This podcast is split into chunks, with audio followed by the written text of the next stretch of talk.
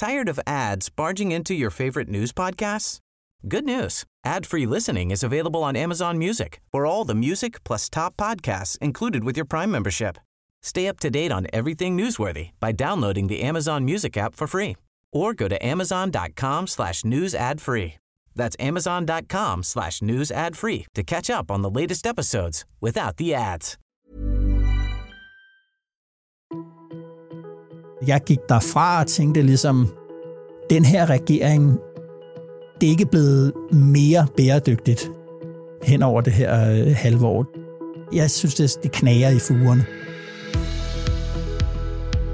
Folketingsåret er ved vejs ende, og derfor var det i den her uge tid til den traditionsrige afslutningsdebat, som i år varede godt 16 timer. Altingets politiske redaktør Esben Schøring, han sad med i Folketingssalen og dykker i dag ned i talerne fra de tre regeringspartier.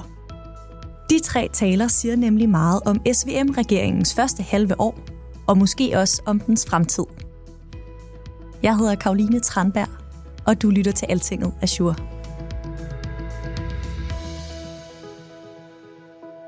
Den gik jo i gang øh, klokken 9, så jeg sad op i øh, presselosen inde i Folketingssalen. Den, den er placeret lige over der, hvor regeringen sidder, øh, sådan i som sådan en balkon, øh, man sidder på.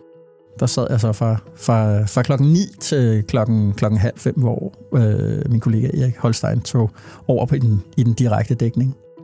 Det, man jo ikke får med på fjernsyn, det er, det er jo stemningen i, øh, i, i rummet. Øh, det er jo også, hvad der foregår sådan øh, udenom øh, selve talerstolen. Øh, ja, noget, man godt kan blive lidt overrasket over, det er jo sådan, at folk står ude i kanten af, af, af salen, og nogle gange bliver snakken øh, ret høj, faktisk. Folk er, folk er på deres pladser og, og, og hører efter, når Mette Frederiksen øh, øh siger noget. Og så bliver der mere og mere uorden, jo længere ned i, sådan, i magthierarkiet øh, man, man kommer. Ikke? Øh, hun taler jo også først. Vi har jo en fin tradition for, at Folketinget beder statsministeren om at give en redegørelse for rigets tilstand, og derfor øh, vil jeg på vegne af Folketinget bede statsministeren om at gøre netop det. Tak. Vil du sige lidt mere om stemningen? Øh, hvordan var den i forhold til andre afslutningsdebatter? Jeg synes generelt, at vi står i en situation med, med en, en regering, som troede, den skulle være så handlekraftig, og som helt klart har mistet momentum og er lidt mat i, i, i koderne. Også fordi, øh, og det var meget kendetegnende for Mette Frederiksens tale, at hvis man læser, øh, hvad det hedder, regeringsgrundlaget, så øh, starter den jo med ligesom at påkalde sig krisesamfundet. Øh, ikke bare én, men mange kriser, og ikke bare kriser her og der, men nogle, der griber ind i hinanden, og at vi ligesom skulle stå i et meget særligt historisk øjeblik, hvor at det var påkrævet, at vi handlede nu øh, for at sikre os i, i, i fremtiden. For nogle uger siden i Cirkusrevyen, der mødte jeg min dobbeltgænger. Der på scenen, der stod jeg i skuespiller Marete Mærkedals skikkelse og var trist over, at der ikke var kriser nok, modvind nok. Og sang, giv mig en krise, helst en, der er rigtig, rigtig stor. Og hele den kriseretorik, krisefortælling af kriseanalyse, den har regeringen både af taktiske og strategiske, men jeg tror i virkeligheden også, at den er indholdsmæssig. Altså, der er simpelthen ikke alle mulige kriser, der griber ind i hinanden. Det har selvfølgelig gjort, at jeg har siddet og reflekteret lidt over både mit og regeringens forhold til ordet krise. Det er også for langt væk fra, tror jeg, fra vælgernes øh, oplevelse. De går ud i sommersolen, en boomende økonomi med en arbejdsløshed, der aldrig har været øh, lavere, og derfor er det svært at overtale folk til, at, at, at nu skal de altså være villige til at tænke nyt på alle mulige måder, og måske også give en masse goder fra sig, øh, for at, at, at, at sikre os øh, mod en, en, en truende fremtid. Øh, altså den er væk, den der. Altså, det er ligesom det, der har kittet regeringen sammen. Så den har mistet, den har mistet momentum på det der. Omvendt så har du en opposition, som er splittet. Det er jo to små oppositioner, en rød og en blå. Det betyder jo, at de har svært ved at forene sig. Det gjorde også, at oppositionen brugte mindst lige så meget tid på at de forskellige partier på at angribe hinanden internt i, i blokken. Særligt i, i, i, i blå blok var der, det var der, det sådan blev mest giftigt og sådan lidt ubehageligt og sådan noget. Ikke? Så det var ikke, det var ikke sådan det der store sammenstød mellem regering og opposition, man, man har været vant til øh, øh, tidligere. Til sådan en afslutningsdebat i Folketinget, der er det jo statsministeren, der er den første til at holde tale. Esben, hvad handlede Mette Frederiksens tale om? Det var en tale til ungdommen, og, og det var en tale, Mette Frederiksen sagde skulle handle om håb. Jeg ser en generation, der er fuld af drømme og håb, med vilje til at forme jeres eget liv. Men betegnende nok, så, så, så talte hun rigtig meget om ensomhed og mistrivsel og angst og depression og fødevaremangel og tørke og, og, en, og en masse usikkerheder og den den digitale verden, øh, hvor folk unge kigger for meget på skærm, og øh, sociale medier på en eller anden måde er en, er en destruktiv kraft i deres liv. Den kunstige intelligens, der brager frem netop nu, er bare et eksempel på det nye livsvilkår, der gælder for jer. Hun har enormt svært ved, synes jeg, at, at, at være sådan en politiker, der, der sådan taler håbet frem i folk. Øh, hun har en tendens til politisk pessimisme, og, øh, og det er selvfølgelig også noget der, det, der har gjort, at hun har været så stærk, når der har været covid og alt sådan noget. Det, er, det, det ligger naturligt til hende at se øh, samfundet som kriseramt, og som kriseramt på en måde, der kalder på, på, på ekstraordinær politisk, politisk handling. Derfor var der sådan en mærkelig misforhold mellem, at hun ligesom prøvede at sige, at jeg taler til håbet, øh, men det hun rigtig stod og talte om, det var en masse triste ting. Men hvad er det så for en fortælling, som skal erstatte krisefortællingen? Ja, det er jo et, et, et, et stort spørgsmål. Øh, også fordi, at det her med, at, at vi lavede en regering hen over midten, hvor folk, der jo er politisk uenige. De er, Venstre er politisk uenige med Socialdemokratiet, og Moderaterne er politisk uenige med Socialdemokratiet. Så hvordan kan de arbejde sammen? Jo, de kunne arbejde sammen, hvis vi nu var i en ekstraordinær krisesituation, en undtagelsessituation, der løftede os ud af hverdagens øh, stridigheder, hverdagens politik, og ind i sådan et særligt rum af, at nu træffer vi altså, nu står vi sammen om at træffe sådan nogle nationale beslutninger, ikke sådan partipolitiske, øh, drevne, ideologiske øh, beslutninger. Når den ryger, og du skal, skal til at begrunde, hvorfor du gør det, du gør, med helt almindelige politiske argumenter, ja, så det, der sker, der er, at uenighederne mellem regeringspartierne, den, den bliver lige pludselig til at få øje på, og bliver meget, meget tydelig. Og øh, det burde være gefundenes fristen for en, en opposition, men fordi den er splittet, så enormt dårligt til ligesom at udnytte den der meget åbenlyse splittelse, der især er imellem øh, Moderaterne, Lars Løkke på den ene side, og Socialdemokratiet og Mette Frederiksen på den anden.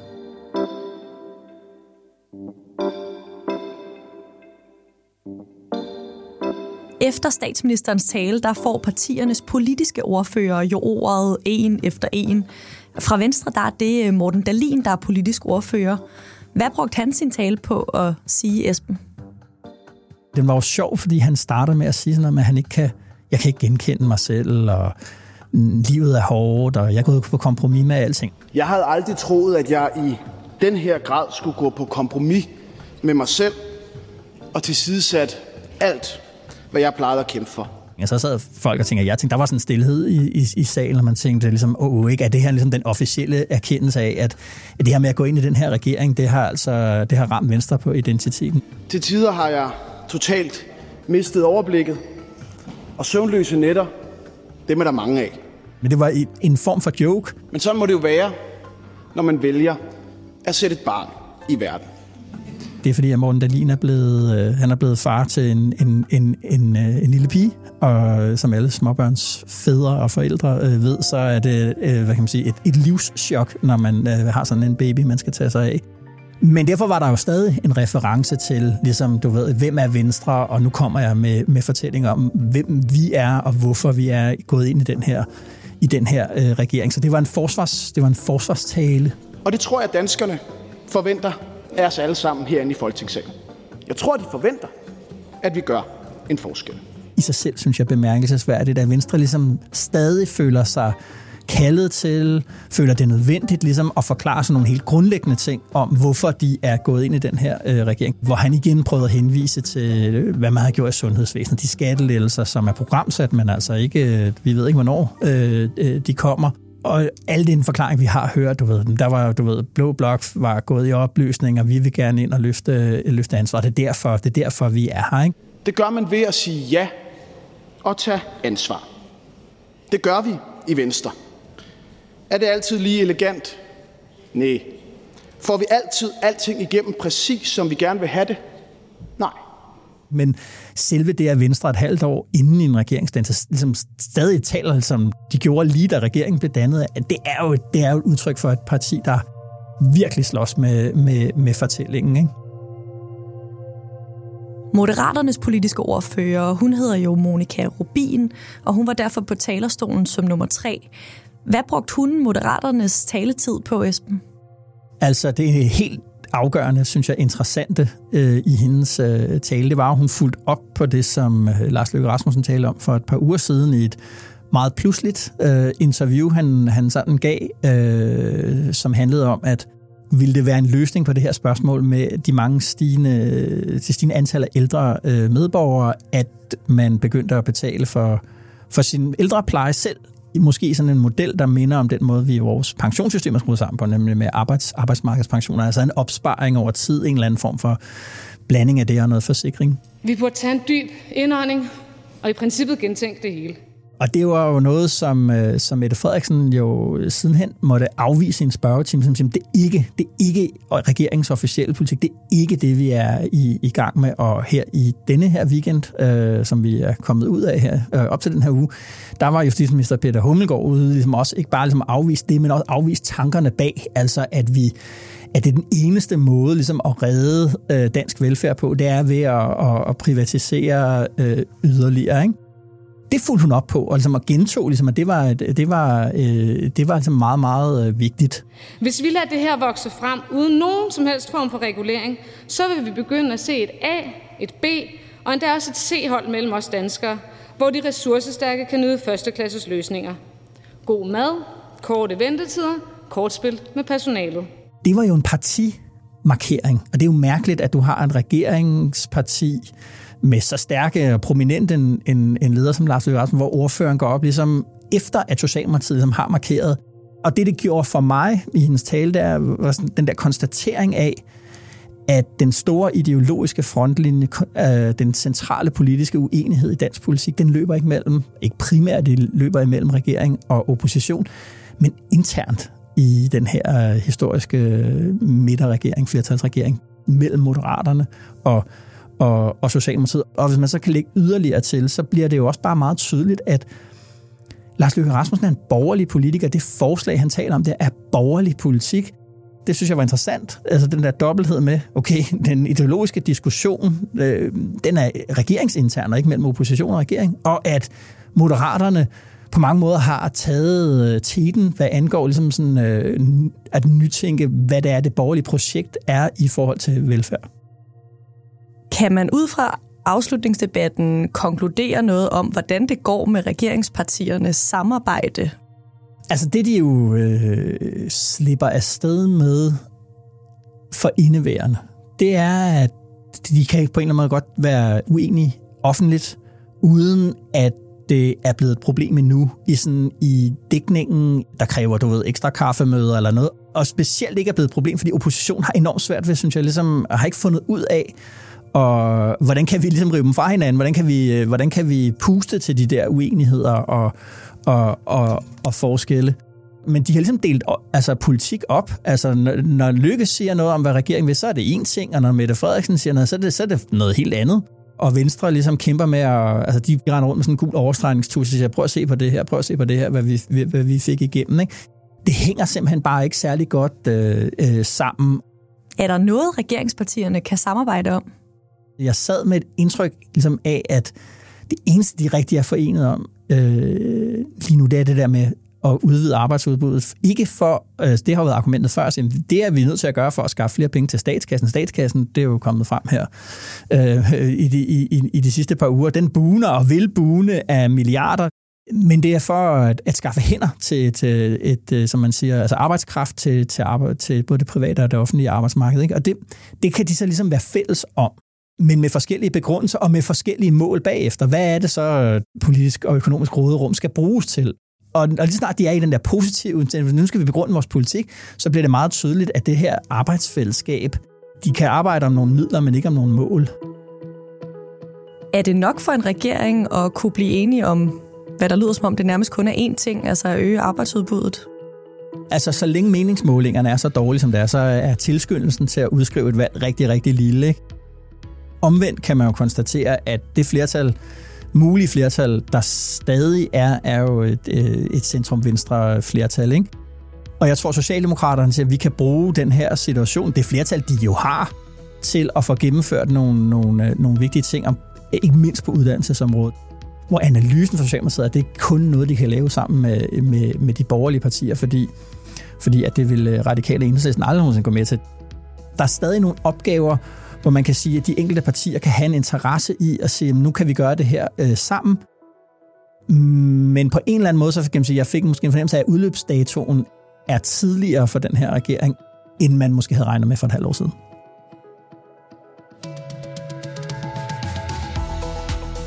Det var alt, hvad vi havde i Azure i dag.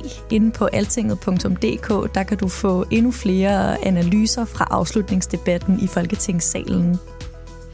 Dagens podcast den blev produceret af Clara Vestergaard og af mig, og jeg hedder Karoline Tranberg.